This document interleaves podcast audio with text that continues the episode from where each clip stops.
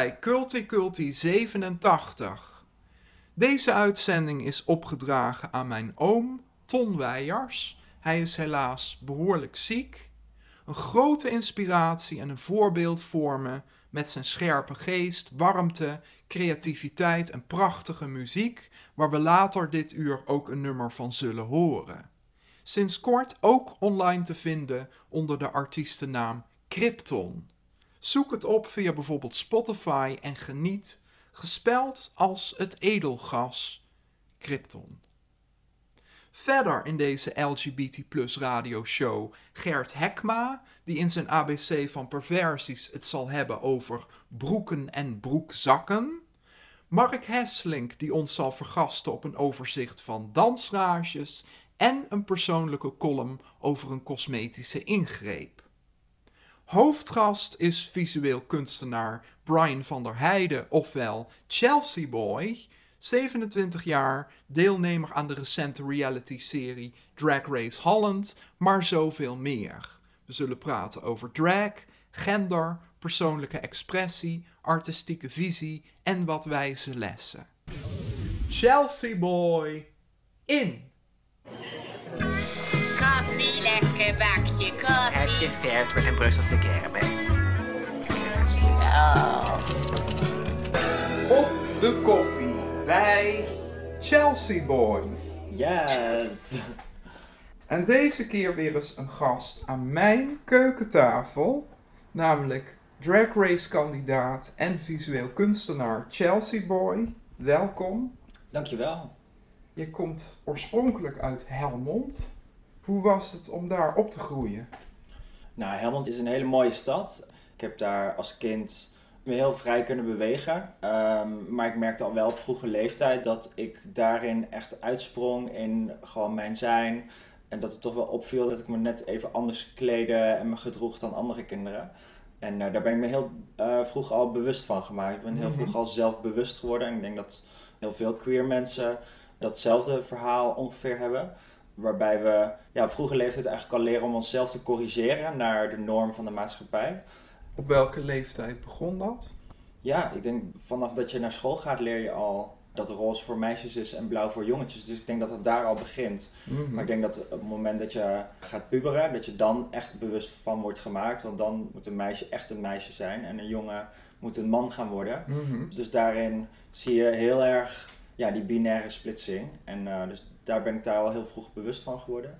Helmond is een stad met ongeveer 100.000 inwoners, als ik me niet vergis. En eh, ik heb daar heel veel lieve vrienden gehad. En tegelijkertijd is het ook heel moeilijk geweest. Want toch ook met een hele hoop mensen die niet begrijpen wie ik ben. En die gewoon eh, hun eigen normen en waarden op een ander projecteren. En Mhm. dat, dat op die manier terug willen zien. En eh, jouw middelbare schooltijd dan bijvoorbeeld? Was dat moeilijk? Eh, die was vrij pittig, ja, zeker weten. Ja, dat, eh, ik zat op een school met 2000 mensen. Mhm. En eh, nee, het gedachtegoed over hoe ik mijzelf presenteerde was daar heel duidelijk en heel fors. Dus ik heb daar echt moeten vechten. En ik, ik heb dat op meerdere manieren geprobeerd. Eerst fysiek. Nou, dat, dan kwam ik er al vrij snel achter dat als ik een klap uitdeelde, dan kreeg ik er van drie mensen één terug. Mhm. Dus Ja. dat, dat werkte niet zo lekker. Vervolgens dacht ik, nou dan ga ik proberen gewoon heel bij de hand over te komen en, eh, en de grapjas uit te hangen. Maar ja, omdat het me zoveel deed, zat ik niet, was ik niet ontspannen genoeg om daar überhaupt humor in te gooien. Dus eigenlijk mijn enige redding destijds was echt mijn kledingstijl. Dat was gewoon mijn muur, als het ware, die mij destijds er doorheen heeft geholpen om, eh, om gewoon staande te blijven. Mhm. Ehm, dus... Waar bestond dat dan uit? Of hoe stelde je het weer? Dat verschilde eigenlijk per dag. De ene dag kwam ik uit bed en dacht ik, nou, vandaag voel ik me heel stoer en eh, doe ik lekker een leren jas aan en een outfit die gewoon kracht uitstraalt. En de andere dag wat meer flowy, eh, Kate Bush-achtig met eh, flowy eh, kleding. ja, die. Ja. Ehm, dat was eigenlijk echt mijn enige reddingsmiddel. En dat heb ik later pas ondervonden eigenlijk, dat dat hetgeen is geweest wat mij gewoon heeft geholpen om me neer te zetten en te zeggen, dit is wie ik ben. En als je daar commentaar op hebt, dan doe ik daar de dag erna gewoon een schepje bovenop. Mhm. Ehm, en mode is nog steeds heel belangrijk voor mij. En ik heb wel voor mezelf moeten leren om dat niet als middel van rebellie te gebruiken, maar echt vanuit een vrij eh, perspectief mezelf gewoon zo neer te kunnen zetten. Mhm. Wie waren toen en wie zijn nu jouw helden wat dat betreft? Of ook qua mode-iconen, mensen die... Nou ja, je noemde al Kate Bush. Eh, Ik, ja, I love Kate Bush. Ze, ik vind haar geweldig in haar hele energie en, eh, en haar nummers vind ik prachtig. Eh, maar dat zou ik niet een icoon voor mij noemen. Toen ik opgroeide was ik heel erg geïnspireerd en gemotiveerd door het kijken van heel veel YouTubers. Mhm. Ehm, daar had je bijvoorbeeld Chris Crocker en je had Danny Noriega. Die is nu eh Adore Delano, een drag queen. En die maakte grappige video's, maar ook motiverende. Die maakte gewoon video's waarin ze je gewoon wilde inspireren om gewoon jezelf te zijn. En om eh, voor niemand jezelf kleiner voor te doen dan je bent. En dat heeft mij destijds, als ik dan uit school kwam, en dat wa- was vaak niet zo leuk, ik kwam heel vaak brullend thuis. En eh, dan ging ik op mijn computer en dan ging ik naar hun kijken op YouTube. En dat was echt mijn ontsnapping destijds, maar tegelijkertijd hetgeen wat me kracht gaf. Mhm. Ehm, dus ja, YouTube, absolutely. Nou, mensen kennen jou als eh, kandidaat van Drag Race Holland. Wat betekent drag eigenlijk voor jou? Eh, drag betekent voor mij een platform, een onderzoeksmiddel om eh, eigenlijk elk stukje van mezelf waar ik vragen over heb, alle vragen die ik aan mezelf wil stellen, dingen van mezelf die ik wil uitpluizen, dingen aan mezelf die ik spannend vind of waar ik onzeker over ben, eigenlijk onder een vergrootglas te gooien. En gewoon te kijken wat ermee gebeurt als ik dat in mijn drag verwerk. En dat doe ik dus ook telkens eigenlijk. Ik neem telkens drag als medium om dat stuk van mezelf te pakken wat ik wil onderzoeken. En dat geeft me heel veel mooie antwoorden op heel verschillende aspecten van mijn persoonlijkheid. Kun je bijvoorbeeld een recent antwoord benoemen waar je achter bent gekomen?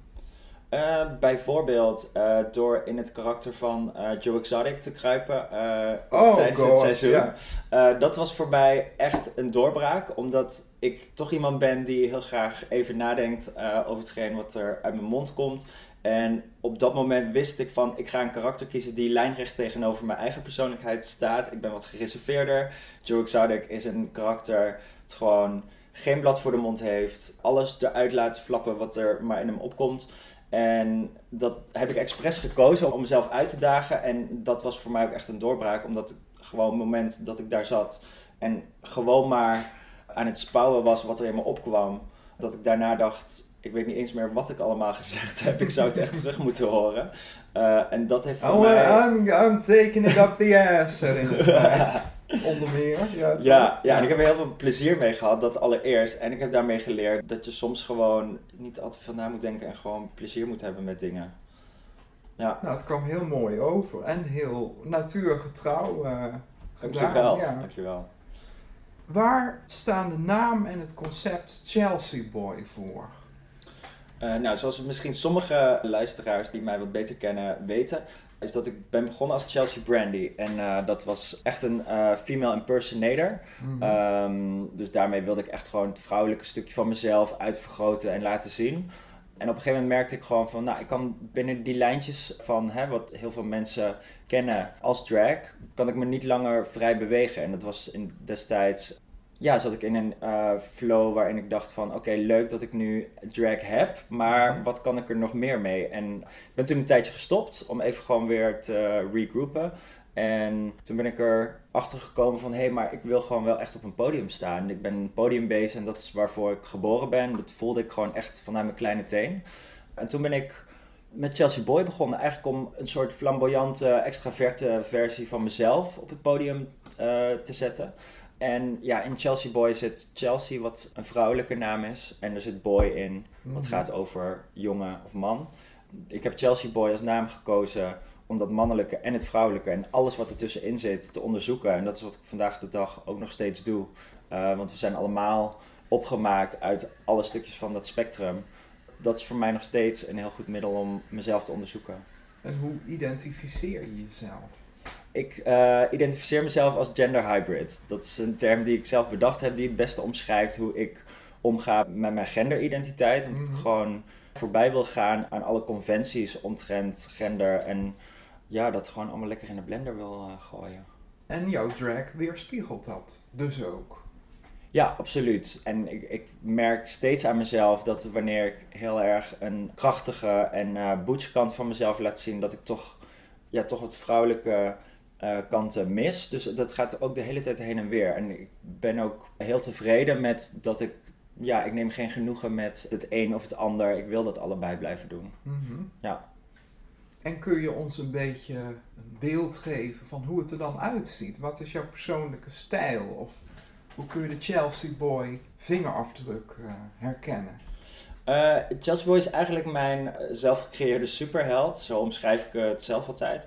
En is heel erg geïnspireerd door science fiction, door alles wat te maken heeft met outer space, met supernatural, alles buitenaards, alien. Eh, dat zijn allemaal woorden die je zou kunnen gebruiken om Chelsea Boy te omschrijven. En wat voor kleuren of wat voor materialen gebruik je dan? Eh, ik vind het heel fijn om gebruik te maken van in mijn make-up, althans van de kleuren die een kind van drie kan opnoemen, dus echt de basiskleuren. Omdat dat gewoon lekker knaleffect geeft waar ik zelf als volwassene nog steeds heel erg van hou. En qua vorm vind ik het heel fijn om organische lijnen af te wisselen met hele harde grafische lijnen. Dat contrast zoek ik graag op. Wat heeft jouw komst naar Amsterdam jou gebracht? Want je woont sinds twee, drie jaar in Amsterdam? Ja. Langer? Ja, eh, ja twee of drie. Is nou- ik, ik weet het niet. Goed. ehm, Zit ik redelijk Ja, goed? Ja, ja, ik, Ik, ik weet het zelf niet precies meer. Dat komt omdat ik vanaf mijn zestiende al in Amsterdam kom. Ik ben een keer uitgenodigd door eh Jordi Agisa Galego van Fucking Pop Queers om naar Amsterdam te komen om daar een feest mee te maken. En eh, ja, daar ging zo'n wereld voor me open. Ik zag daar flamboyante mensen in allerlei kleuren. En eh, ik dacht, ja, die- dit is gewoon waar ik thuis hoor. Sindsdien ben ik wekelijks, een paar keer per maand, in de weekenden naar Amsterdam gekomen om daar gewoon mezelf helemaal eh, te kunnen laten zien. En eh, zonder enige rem op hoe ik me mag profileren, gewoon lekker uit te gaan. Mhm. Ehm, en ja, op een gegeven moment hè, kreeg ik meer boekingen met drag en dergelijke. Dus ja, toen heb ik een paar jaar geleden besloten inderdaad om, eh, om echt naar Amsterdam te komen. Omdat, ja, omdat ik hier gewoon thuis hoor. Is je gewoon woont ook duidelijk. samen met twee andere drag queens, toch? Ja, klopt. Ja, ja, ja. Ik woon samen met eh, mijn dragmoeder Snorelle WC en eh, mijn dragdochter slash zusje. eh ja. Secreet Selene. Ja, we hebben een beetje Ja. ruzie over wie nou Secreets moeder is. Of Snor Oh. of ik dat nou ben. Dus we hebben besloten dat we gewoon een gedeeld moederschap hebben. En hoe, hoe gaat dat eraan toe in dat huishouden? Nou ja, je kunt het je wel een beetje voorstellen, denk ik. Mag ik die vraag bij jou leggen? Hoe denk je dat dat eraan toe gaat? Nou, overal poeder, sigarettenpeuken, lege flessen, pruiken, harde muziek, allerlei mensen over de vloer de hele tijd, zoiets? Nou, daar voeg ik niks meer aan toe. Oh, Oké. Ja, precies zo. En het is, heel erg, het is gewoon heel fijn, want we zijn eh, elkaars klankbord. eh, we kunnen alles met elkaar delen. Heel inspirerend lijkt me ook. Inspirerend, absoluut. Want we hebben allemaal zo onze eigen kwaliteiten die we gewoon met elkaar delen. Waardoor we gewoon alle drie gewoon echt groeien. Niet alleen als drag queens, maar ook echt als mensen. Dus eh, dat is super mooi. Wat heb je bijvoorbeeld van Snorella geleerd? Eh, wat ik van Snorella leer is gewoon elk stukje wat gaat over hoe ik mezelf draag, hoe ik mezelf uit, wat ik laat zien, wat ik niet laat zien, hoe ik echt het proces mag accepteren van hey, er hoeft niet in één keer een perfect eindproduct te staan, maar het is juist al die kleine stapjes die je daar naartoe zet zijn heel erg mooi. Dat is wat ik, dat, wat ik heel erg van, eh, van Snorella leer. Om te genieten, om eh, met beide benen op de grond te blijven, om in contact te blijven met de mensen om me heen ja, het is inspirerend mens gewoon. Progress, not perfection. Absolutely.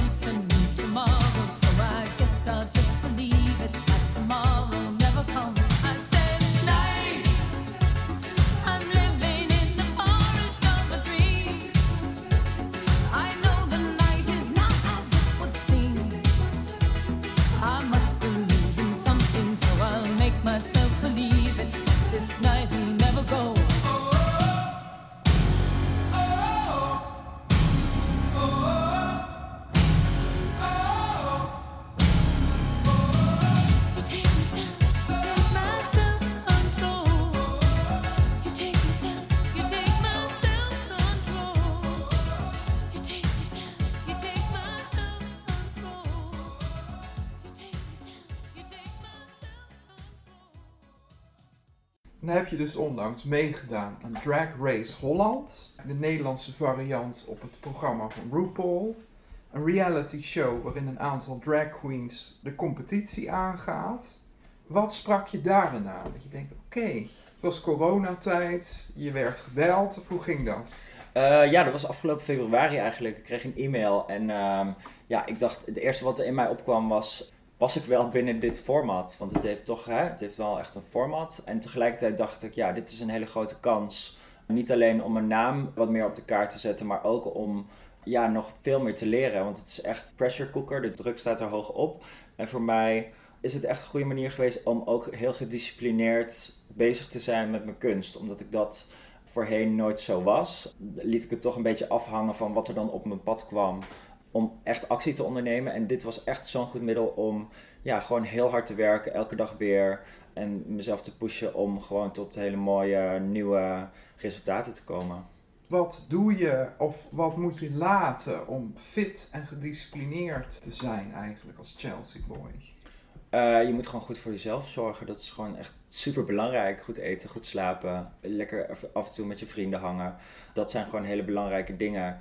En ja, je wekker zetten, eruit komen. Streng zijn voor jezelf en tegelijkertijd ook liever zijn voor jezelf. Dus eh, niet te streng. Dus die balans daarin is Mhm. heel belangrijk. Wat heeft jou nou het meeste verrast aan dat hele drag race avontuur? Eh, als ik heel eerlijk ben, eh, dat ik het zo hard te halen zou hebben na afloop. Want we dachten toch van, hé, hey, dit is een heel goed platform. En eh, helaas vanwege COVID is het heel lastig om nu boekingen te doen. Eh, hè, alle horeca is dicht. Dus dat is gewoon even pittig. Dus, eh, maar dat geeft tegelijkertijd ook weer de uitdaging om op andere vlakken jezelf te ontwikkelen. Dus ik ben nu online bezig. Ik leer heel veel, ook op dat vlak, Mhm. op technisch vlak, over ja, hoe je social media kan inzetten in je voordeel. Ik ben laatst mijn YouTube kanaal begonnen. Dus dat is hartstikke leuk om uit te pluizen en uit te vinden. En mijn studio helemaal juist opzetten. Dus eh, daar geniet ik wel van. De opnames waren tijdens COVID, toch Ja. al? Ja, klopt. Het leek een soort grote drag bubble, Ja, waarin alles glamorous was en mooi en ja, bijna een wereld op zich, vond ik. Ja, Dus het we- best wel vervreemdend eigenlijk om, om dat eh, te zien. Ja, we zijn, we zijn wel trouwens, eh, wil ik er wel even aan toevoegen, eh, voorafgaand aan de opnames zijn we twee weken in volledige quarantaine geweest. Aha, ja. zodat, zodat we inderdaad hè, gewoon fysiek contact met elkaar konden hebben. Ja, want dat is toch wel belangrijk als je zo'n programma maakt. Ja, als je acteert en hè, alle onderdelen die erin zitten, dat je dat contact kunt maken. Eh, maar het was inderdaad echt had ook niet anders gekund, denk ik. Nee, Eh, nee. nee, dat kan, eh, zo'n zo'n show filmen kan niet met social distancing. Dat, dat is niet mogelijk. Dus het was inderdaad heel gek. Het was ook echt een bubbel. Want wij zijn, eh, nou ja, met natuurlijk de cast, maar dan is er ook nog een hele crew. Zijn we gewoon een maand lang, ja, met z'n allen echt alleen maar daarmee bezig geweest. En iedereen helemaal gefocust. En het waren hele lange dagen. Dus het was hard werken. Tegelijkertijd, ja, je weet waar je het voor doet. En eh, hebben we er zo ontzettend veel lol mee gehad met z'n allen. En Mhm. is het een hele mooie ervaring geweest. Ja. Wat, wat heb je vooral geleerd van je deelname? Om wat meer van mezelf te laten zien. Om gewoon ruimte in te nemen. Ja, dat, dat zie je vooral aan hoe ik binnenkom en hoe ik wegga. Dat ik gewoon veel meer, nog veel meer uit mijn schuld ben gekomen. Mezelf meer durf te laten zien. En mezelf niet serieus te nemen. Gewoon hè, om mezelf kunnen lachen. Ik denk dat dat belangrijkste elementen zijn geweest. Ja. Was je ook nerveus eh, tussendoor? Oh, absolutely. Ja, Ja. Elke, elke keer als we een opdracht, eh, als we wisten van oké, nu komt er een opdracht, dacht ik, oh, waar gaan ze nu weer mee komen? En dan uiteindelijk, als je het dan aan het doen was en gedaan had, dan eh, dacht je, nou, dat kunnen we dus ook gewoon. En eh, ook gewoon alles waar je je zinnen op zet, dat je dat succesvol wilt doen, dat kan gewoon lukken. Ja. heb je ook een ritueel of iets wat je doet voordat je op gaat treden. Of voor, ja, oké, we gaan nu dit onderdeel doen. Nee, daar is op, op dat moment geen ruimte voor. Dus op dat Oh. moment is het echt. eh, nou ja, ja, tussen de opnames door natuurlijk wel. eh hè, S'avonds eigenlijk als je klaar bent. Maar je filmt gewoon. Ja, je filmt in twee dagen eigenlijk een hele aflevering. Dus eh, even ademen. Inderdaad, heel even naar binnen, maar dat kan maar heel kort duren. Maar gewoon even je adem voelen. Even ontspannen, even wat drinken. Mhm. En geloof me, ik stond van iedereen het vaakst buiten om even een sigaretje te doen. Absolutely. Eh, dat, ja, dat zijn gewoon dingen die mij dan wel helpen. Dat zie je ja. dan weer niet. Ja. Nee. Hoe waarheidsgetrouw is nou de weergave die wij hebben gezien in het programma, als je het vergelijkt met daar echt zijn en in die bubbel te zitten? Het wordt natuurlijk uitvergroot, en gedramatiseerd en sowieso geproduceerd. Kun je daar wat over vertellen? Ehm, ik kan je met alle eerlijkheid zeggen dat wat je ziet op tv, inderdaad, zoals je zegt, uitvergroot wordt en er wordt in geknipt en geplakt. Dus natuurlijk worden dingen dramatischer weergegeven dan ze zijn. Maar alles wat gebeurd is, is ook wel echt zo gebeurd. Ja, Dus niks in scène gezet, Eh, nee, behalve de daadwerkelijke acteerscènes. Ja, ja. Nee, nee, eigenlijk Ja. niet. Ik denk dat eh, misschien sommigen zelf eh, zoiets hadden van... hey, ik ga nu even een momentje pakken en eh, ik ga dit moment wat groter maken en wat naar me toe trekken.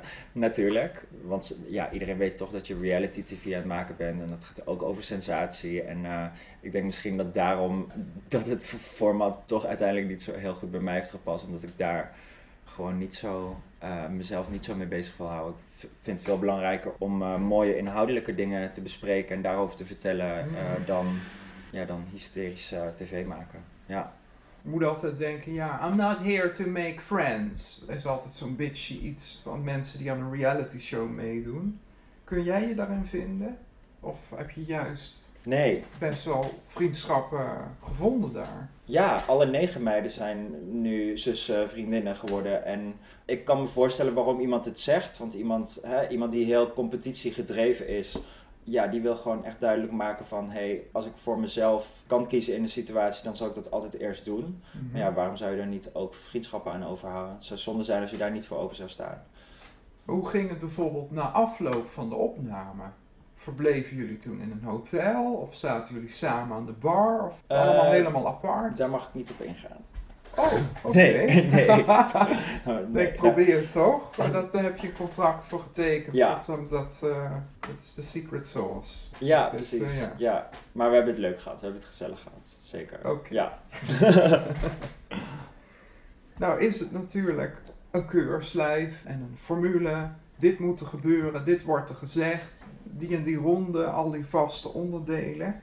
Wat zijn nou de dingen die jij niet kwijt kon? Ik had ook echt de indruk van jij laat een fractie zien van wie jij kan zijn als Chelsea boy. En wat hebben we gemist? Of wat zit er meer in eigenlijk? Eh, ja, inderdaad, zoals je het zegt, dus het heeft echt eh, een format. Wat voor mij ook betekende dat ik vooral het vrouwelijke stuk moest uitvergroten binnen het programma. Dat wist ik op het moment dat ik daaraan meedeed, want dat is eh, waar het programma over gaat. Gewoon mensen verkleed als drag queen en Mhm. niet drag king of als clubkid of ander soort visueel kunstenaar. Het gaat echt over drag queens. Dus daarin moest ik me heel erg aanpassen. Ik denk wat mensen niet gezien hebben van mij is ja, gewoon nog meer inhoudelijk over wie ik ben, waar ik voor sta, die boodschap. En ik denk dat wat mensen nog meer ja, gemist hebben is gewoon mijn overige talenten, denk ik. die niet helemaal naar voren zijn gekomen. Nee, dat ik Ja. heb ook wel eh, jou op een filmpje op zien treden. Ja, in een zaal, voor COVID nog. Je doet ook covers, je zingt ook ethische classics, yes. zou je kunnen zeggen. Stel, COVID is helemaal voorbij, de clubs zijn weer helemaal gevuld. Je krijgt een beetje budget, je mag iets voorbereiden en iets neerzetten. Hoe zou dat er dan uitzien? Eh, dan denk ik dat ik gewoon een, eh, een UFO eh, op een podium zou laten landen. En dat ik uit, uit het. ehm, hoe noem je dat? Uit de- het deksel van de UFO. Het deksel van de. Ja, trekken we even het deksel open. En dan kom ik daaruit met heel veel stoom en blauw licht. En nee, dan, dat, dan zou dat gewoon eh, echt een knalspektakel eh, worden. Dat is wel het plan met veel energie. Op sommige momentjes heel erg vertraagd. En wat zou je dan doen? Wat zou je zingen? Wat zou je brengen? Eh, ik ben bezig met eigen muziek. Dus Oh, dat is in the works. Hè, na al die jaren covers doen met heel veel plezier. En dat zal ik ook blijven doen. Maar vind ik het wel tijd om iets van mezelf te gaan laten horen. Dus daar ben ik mee bezig. Wie zijn jouw inspiratiebronnen wat dat betreft, muzikaal? Eh, als ik het heb over muziekinspiratie, kijk ik heel erg naar jaren 80, naar New Wave, naar iedereen die in, in die tijd, het gaat ook over glamrock, over, er zitten stukjes pop in, art pop. Ik ben vandaag de dag heel erg geïnspireerd ook door Brazilian Carioca. Er is nu een redelijk nieuwe artiest, eh, haar naam is Urias. En ja, zij maakt hele toffe muziek en dat, dat vind ik echt te gek ook om, eh, om te horen. En dat inspireert me ook in mijn eigen materiaal. Dus eh, Oh, leuk. Ja. Waar ben je op het moment enthousiast over qua look of make-up of qua materiaal? Nou, de make-up wereld innoveert zich heel snel. En eh, ja, als, als we kijken naar hoe groot de make-up industrie vandaag de dag is in vergelijking met 30 jaar geleden, dan is dat gigantisch. En ik zie een bepaalde beweging waar ik me heel graag bij aan wil sluiten. En dat is een menging tussen make-up en 3D animatiekunst. Dus dat gaat niet over Photoshop, maar echt over verschillende lagen binnen een foto. Die gaan over deels werkelijkheid, deels echt animatie. Dus die gelaagdheid en multidisciplinair omgaan met make-up kunst. Dus dat inspireert mij op dit moment heel erg en daar wil ik me meer in verdiepen. Hmm. En wat doe je verder deze tijd nog? Eh, ik ben bezig nu met vooral mijn YouTube kanaal opzetten. Ik, ben- ik heb nu een serie die heet From Stardust, waarin ik alle looks die ik heb gedaan tijdens Drag Race Holland vertel over hoe ik die gemaakt heb, hoe ik tot het concept ben gekomen, hoe ik het vervolgens uitgewerkt heb en hoe, hoe de ervaring was om het te dragen. Daarnaast wil ik meer make-up tutorials gaan doen ook. Ben ik bezig met muziek voornamelijk. Ik ben bezig met een video die een verhaal vertelt. Dus verschillende dingen liggen er in de loop. Heel spannend. Ja. En liefde? Liefde. ja, ik denk ik vraag het ook, maar dat soort dingen. Oh, wat grappig. Eh, liefde, ja, er is, eh, er is om- momenteel wel iemand op het oog, ja. Oh, kijk. Ja, ja. ja. Ja, maar dat is nog vrij vers. Dus Het is natuurlijk in coronatijd is het ook moeilijk, dit soort dingen. Ja, ja. Maar dat, dat, dat is dus wat hoop. eh, ja, ik ben, ik ben iemand tegengekomen. Ik zal er niet al te veel over in detail treden. Maar eh, ja, is iemand die ik heel erg leuk vind op het moment. Kijk aan. Waar kunnen de luisteraars meer van jou bewonderen? Je, je YouTube-kanaal, zei je net. Ja, op dit moment eh, ben ik vooral online actief. Dus op mijn YouTube kanaal, Chelsea Boy. En mijn social media. Dus op mijn Instagram eh, update ik regelmatig nieuwe looks, nieuwe concepten, nieuwe ideeën. En ook echt schetsen. Ja, schetsen, het maakproces, eh, al die dingen. Dat, dat zit inderdaad in de YouTube-serie. En daarnaast andere leuke, mooie content, looks en samenwerkingen en eh, dingen op, via mijn Instagram. Dat is op dit moment een beetje het platform. En Mhm. ja, hopen dat de wereld snel weer open gaat. Want ik ja, wil dolgraag op tour. Ja, En jouw handle is XO Chelsea Boy. ja Exo Chelsea Boy op alle kanalen. Hartstikke bedankt. Dankjewel.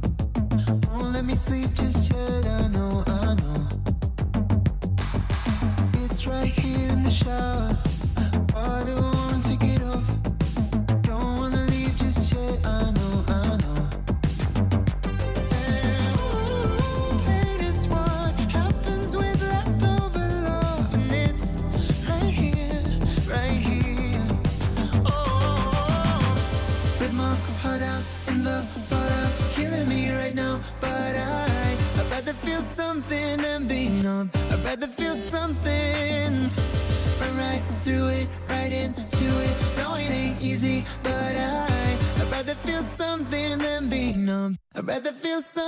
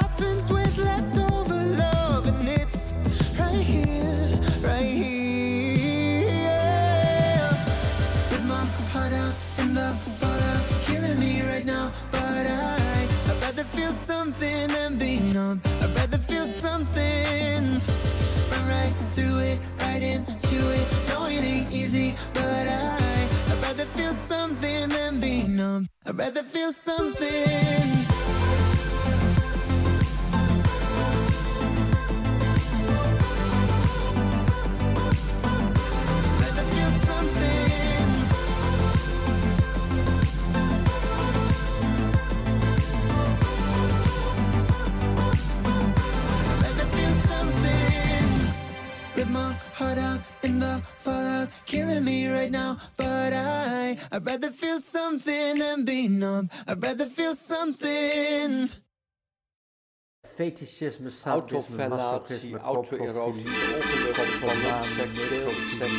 onderdanigheid, kinderliefde, diplomatie, dominantie, nog een jacht of donkere kamer, wilde, voorraad, Novosec, Biosec, Doppelsec, Vepofon, Ecogeur, Elopinamie, Lectoset, Eonis, Onamie. ABC van perversies van Gert Hekma. En de perversie van deze maand zijn broeken en broekzakken. Gefriemel in zakken heet sacofricose en staat voor zelfstimulatie door een gat in de zak van een jongensbroek.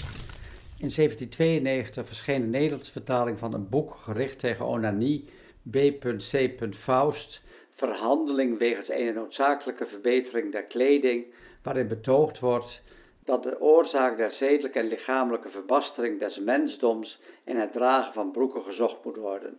Het ging over de gevaren van de broek. Niet alleen waren de broeken meestal te strak, de gulp leverde het bezwaar op dat jongens hun handen moesten gebruiken om hun lul voor het plassen tevoorschijn te halen. En dan waren er zakken zonder en met gaten die het jongens mogelijk maakten bij voortdurende geslachtsdelen stiekem te betasten. Het was veel beter jongens in rokken te laten lopen, zoals bij de Schotten het geval was. Die zaten niet strak, die vereisten geen manuele manipulatie bij het urineren en die hadden geen zakken. Daarom waren volgens Faust Schotse mannen zowel gezonder dan Duitse of Nederlandse. Ik denk eigenlijk dat die Schotse ventjes gewoon suffen waren, want ik kan me veel seksueel plezier met jongensrokken voorstellen. Ze bieden makkelijker toegang tot pik en bips dan de verdoemde broeken en zakken. Om maar niet te spreken over opwaaiende jurken en nieuwsgierige blikken die via spiegels of vanuit lager gelegen posities eronder geworpen kunnen worden. Het geketter tegen de strakke broek heeft zo lang voortgeduurd en verschillende pausen verdoemde strakke broeken omdat ze tot seks zouden leiden. Te op zee voor het openbare leven vanwege de zichtbare bobbels en te opwindend voor het privéleven vanwege de onanistische mogelijkheden. Bovendien waren ze bang dat zulke strakke kleding te warm was en zo de voortplanting door zaadbederf in gevaar kon brengen of de ballen beschadigden met hetzelfde dramatische gevolg. Ik wil ook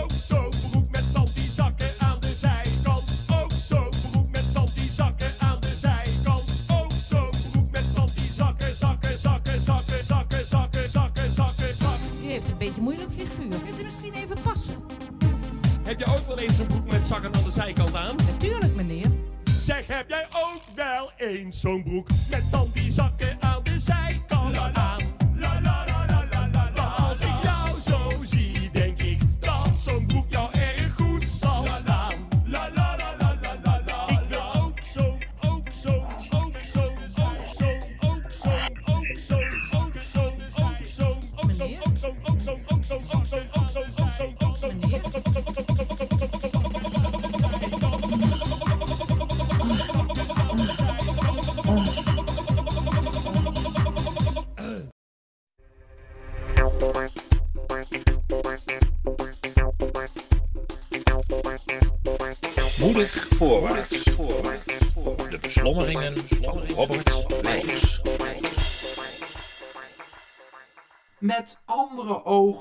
Kijk ik naar mezelf.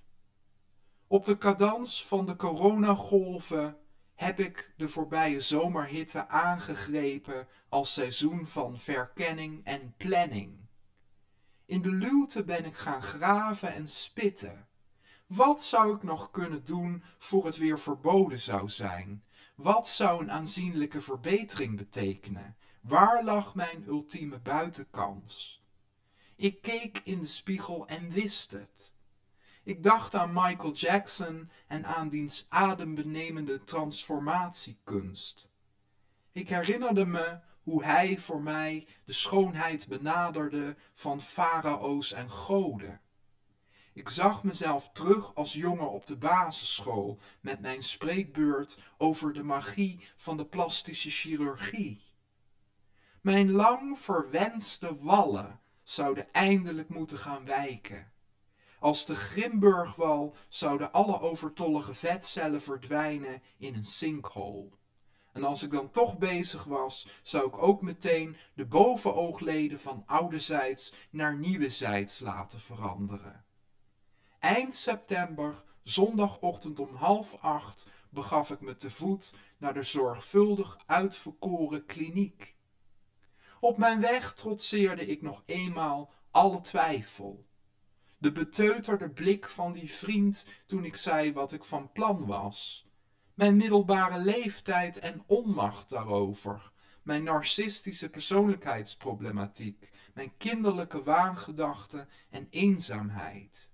Wie dacht ik eigenlijk dat ik was? Was ik niet gewoon een laffe masochist die een ander geld betaalde om zich te laten verminken? Was ik niet totaal van het pad af, nu de enige man die me aan zou gaan raken sinds maanden dat met een vlijmscherp scalpel zou doen? Er kwam een rust over me toen de operatie begon. De arts, die naast dat hij precies begreep wat me in de spiegel stoorde en ook een geschikte oplossing daarvoor aanbood, had de betreffende ingreep prachtig in zijn vingers en wist me er op een prettige en vakkundige manier doorheen te loodsen. Ik gaf me totaal aan hem over en daarna aan het grillige helingsproces. Dagenlang gutste het wondvocht en bloed uit mijn ooghoeken. Mijn wangen waren alle kleuren van de regenboog. Mijn ogen waren door de zwelling gereduceerd tot spleetjes. Ik zou nou eenmaal voor onbepaalde tijd een monster moeten zijn om later eventueel mooi te kunnen worden. Hoe vertroebeld mijn blik ook was, mijn intenties bleken uiteindelijk kristalhelder in mijn isolement. Ik kon niet fronsen, maar wel lachen om mijn zelfverkozen lot. Ik had dit immers niet voor iemand anders gedaan, noch uit de ijdele hoop op bewondering, goedkeuring of geluk. Ik deed het puur voor het cosmetische effect en puur voor mezelf. Gek genoeg voel ik me hierdoor nu, hoewel mensen zeggen dat ik er jonger uitzie, juist voor het eerst een beetje volwassen. Moedig voorwaarts.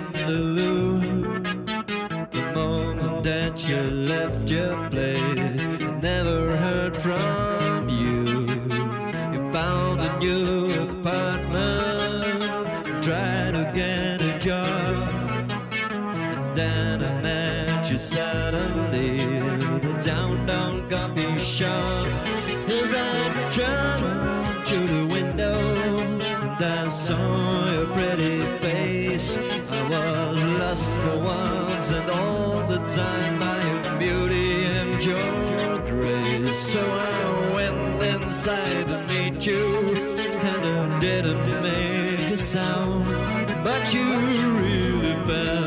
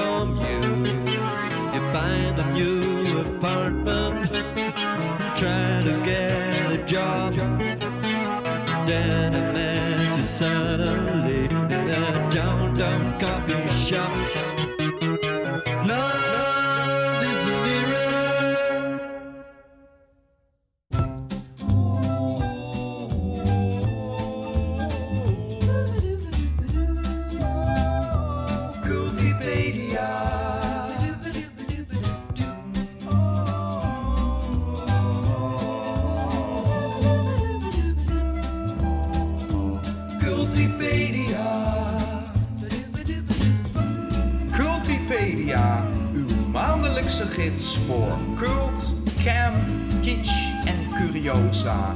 Met Mark Hesseling.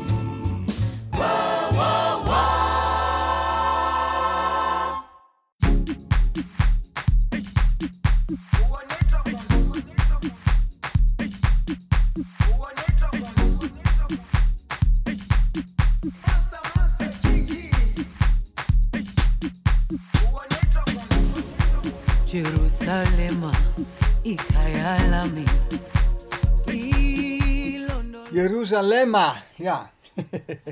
Lekker. Ja. Ik ben Ja. helemaal wakker. Een grote hit Ja. dit jaar. Eh, Super nou ja, even voor de administratie. Het komt dus uit Afrika en het is een nummer van Master KG. Gaat het me even allemaal niet zo erg om. Waar het mij wel om gaat is, bij dit nummer hoort een dansje. Oh. En dat dansje, dat is momenteel dus ook krankzinnig populair. En deze Cultipedia gaat over dansrages. Aha. Want als jij Jerusalema gaat zoeken op YouTube of TikTok of Instagram, dan zul je allemaal filmpjes vinden van groepen mensen die onder de hashtag Jerusalema Challenge een bepaald dansje uitvoeren. En is dat steeds hetzelfde En dat is hetzelfde dansje. Ah, ja, dat is echt een, eh, een dingetje op dit Mm. moment. Doe eens voor. Nee, Nee. Nou, dat op de radio werkt het. nee daarom. Zoek maar even op. En ik, ik ben geen geweldige danser, laat ik dat voorop stellen. Oké. Bovendien eh, wordt het dan een heel lang item. Want ik ga het dus hebben over dansrages. Want die zijn er ongelooflijk veel geweest in de 20ste eeuw vooral. Laten we even beginnen met wat misschien wel de allereerste was.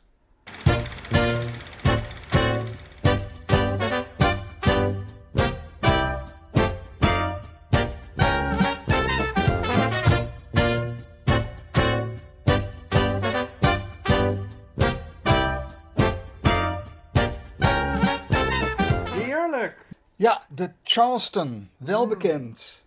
Ontstaan in de jaren 20, is vernoemd naar een stad in South Carolina. En het was ooit een nummer in een Broadway musical. En om de een of andere rare reden is daar ook een dansje bij ontstaan. En het is een geweldige rage geworden. Dat zat in films en overal in het uitgaansleven. In, eh, nou ja, in ieder geval in de Verenigde Staten. Misschien hier ook wel dansten mensen de Charleston. Er hoorde ook een bepaalde mode bij. Ik zie meteen vrouwen in van die jurken met allemaal van die draadjes, weet je wel. Ja. En van die lange parelkettingen waar ze dan mee ronddraaiden en zo. En hoedjes en zo. Nou, dat was de Charleston. En dat was de eerste van een hele lange reeks dansrages.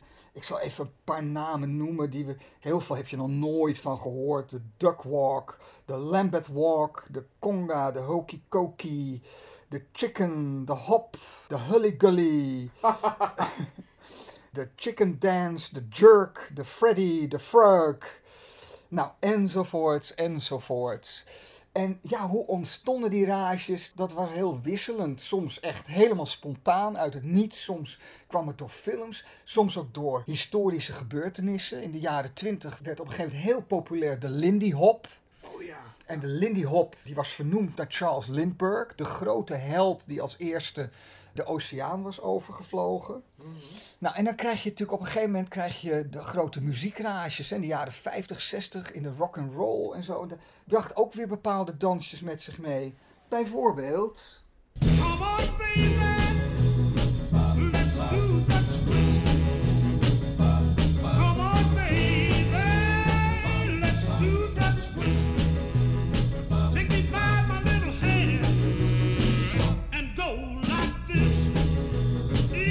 Lekker draaien met je, met je, met je, Je schoen heupen. alsof je een peuk uittrapt op de vloer.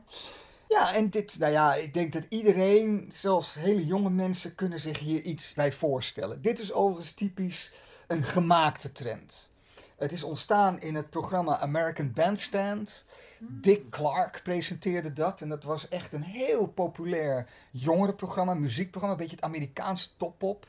En daar waren ook eh, choreografen en dansers die aan dat programma meewerkten en die hebben de twist bedacht. Maar het was natuurlijk deze zanger die je net hoorde, Chubby Checker, die dat echt heel groot gemaakt heeft. Nou, even eentje die ik zelf vreselijk leuk vind. Gewoon leuk voor de afwisseling. De Watusi. Nos nos bebemos la sangre aquí ahora mismo. ¿Qué es lo que pasa? Saca lo que tengo encima, que yo no te tengo miedo a ti. Palo nada más. Todo el mundo te tiene miedo en La Habana, caballero, pero yo. ¿Siete pies tengo yo? A mí no me importa que tú tengas siete pies. ¿Qué es lo que pasa? ¿Qué es lo que pasa? Dime. Dat Ja. is wel heel wat anders. Ik vind ja. het lekker. Dit was dus ook een dansrage. En de man die dit nummer maakte was een geweldige Amerikaans-Puerto Ricaanse conga-speler. Ray Barretto. Ga maar een keer luisteren. Puerto Is leuk. ja. ja. Nou ja, en dan hadden we natuurlijk nog...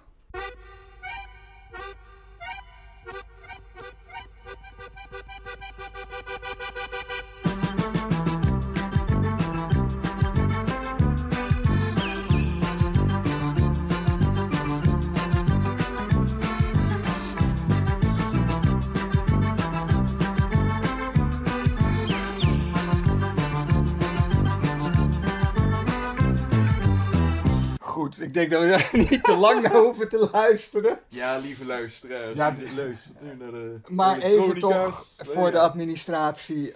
Een nummer uit 1980 van de Elektronica's. Dat was een eh, groep van drie accordeonisten uit Sint-Willibrord. En zij hadden al eerder plaatjes gemaakt. De Billekensdans en de Poesjesdans.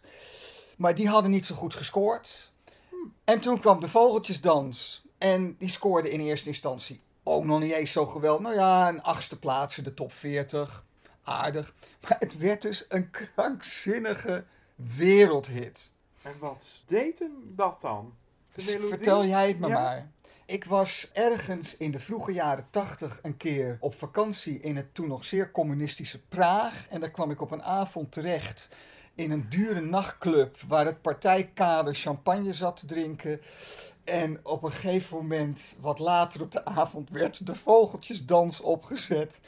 En ging dus de hele Tsjechische communistische partij met hun vrouw in avondjurk stonden daar de vogeltjesdans te doen.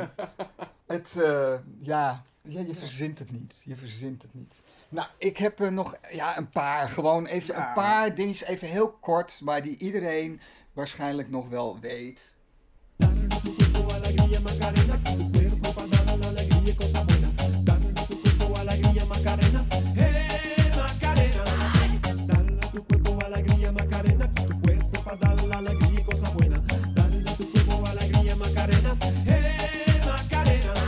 Nee, de, eh, ja, de Macarena. Ja, ik, eh, het- het- ik zie jou al de bewegingjes maken op de bank. Nou, dan weet je deze ook nog wel.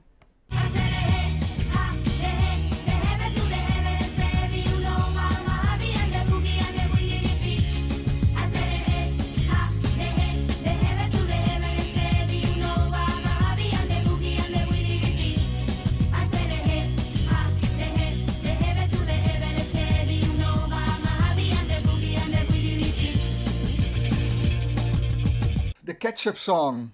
Ja. Ah ja, en dan eh, voor de nog wat jongere luisteraars heb ik er ook nog één. Oppan Gangnam Style. Gangnam Style.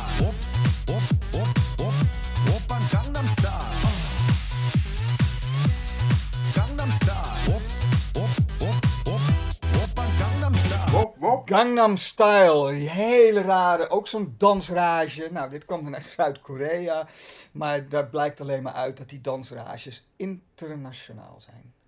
En wat is jouw favoriet? Oh, nou, dan komen we wel weer eentje bij eh, echt, eh, die echt in, in de Cultipedia-stijl is. Want er zat natuurlijk een geweldig dansje in de Rocky Horror Picture Show. Oeh. En dat vind ik wel de allerleukste. Dat is ook de enige, moet ik zeggen, waar ik me nog wel eens aan bezondigd heb. Let's do the... De Time Warp. Heerlijk.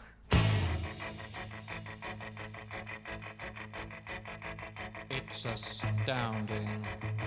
Time is fleeting. Madness takes its toll. But listen closely. Not for very much longer. I've got to keep control.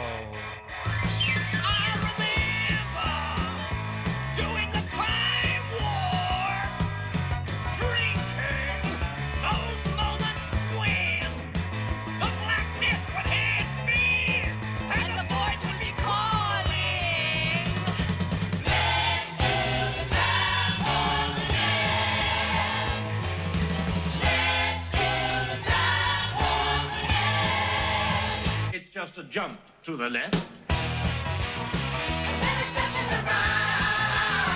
With your hands on your hips.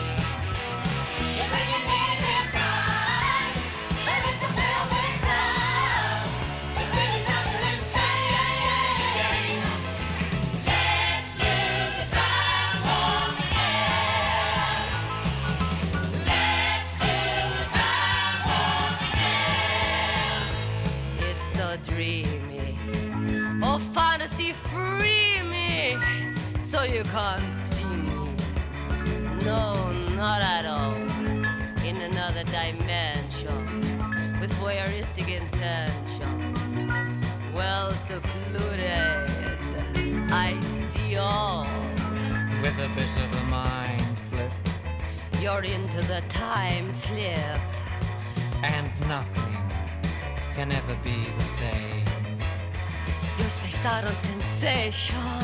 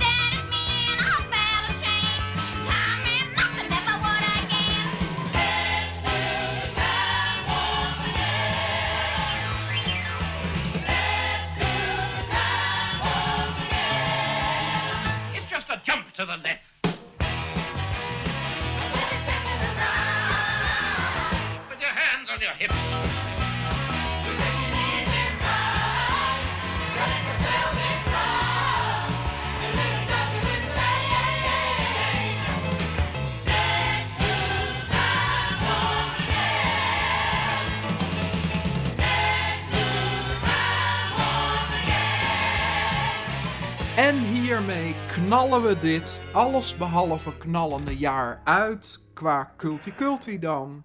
Ik ben Robert Weijers en dank hierbij van harte Brian van der Heijden, ofwel Chelsea Boy, Laura Brannigan, Duncan Lawrence, Gert Hekma, freesound.org, Huub Hangop, Bert Boelaars, Krypton aka Ton Weijers en familie, Mark Hesselink, de cast van de Rocky Horror Picture Show en Lydia Till.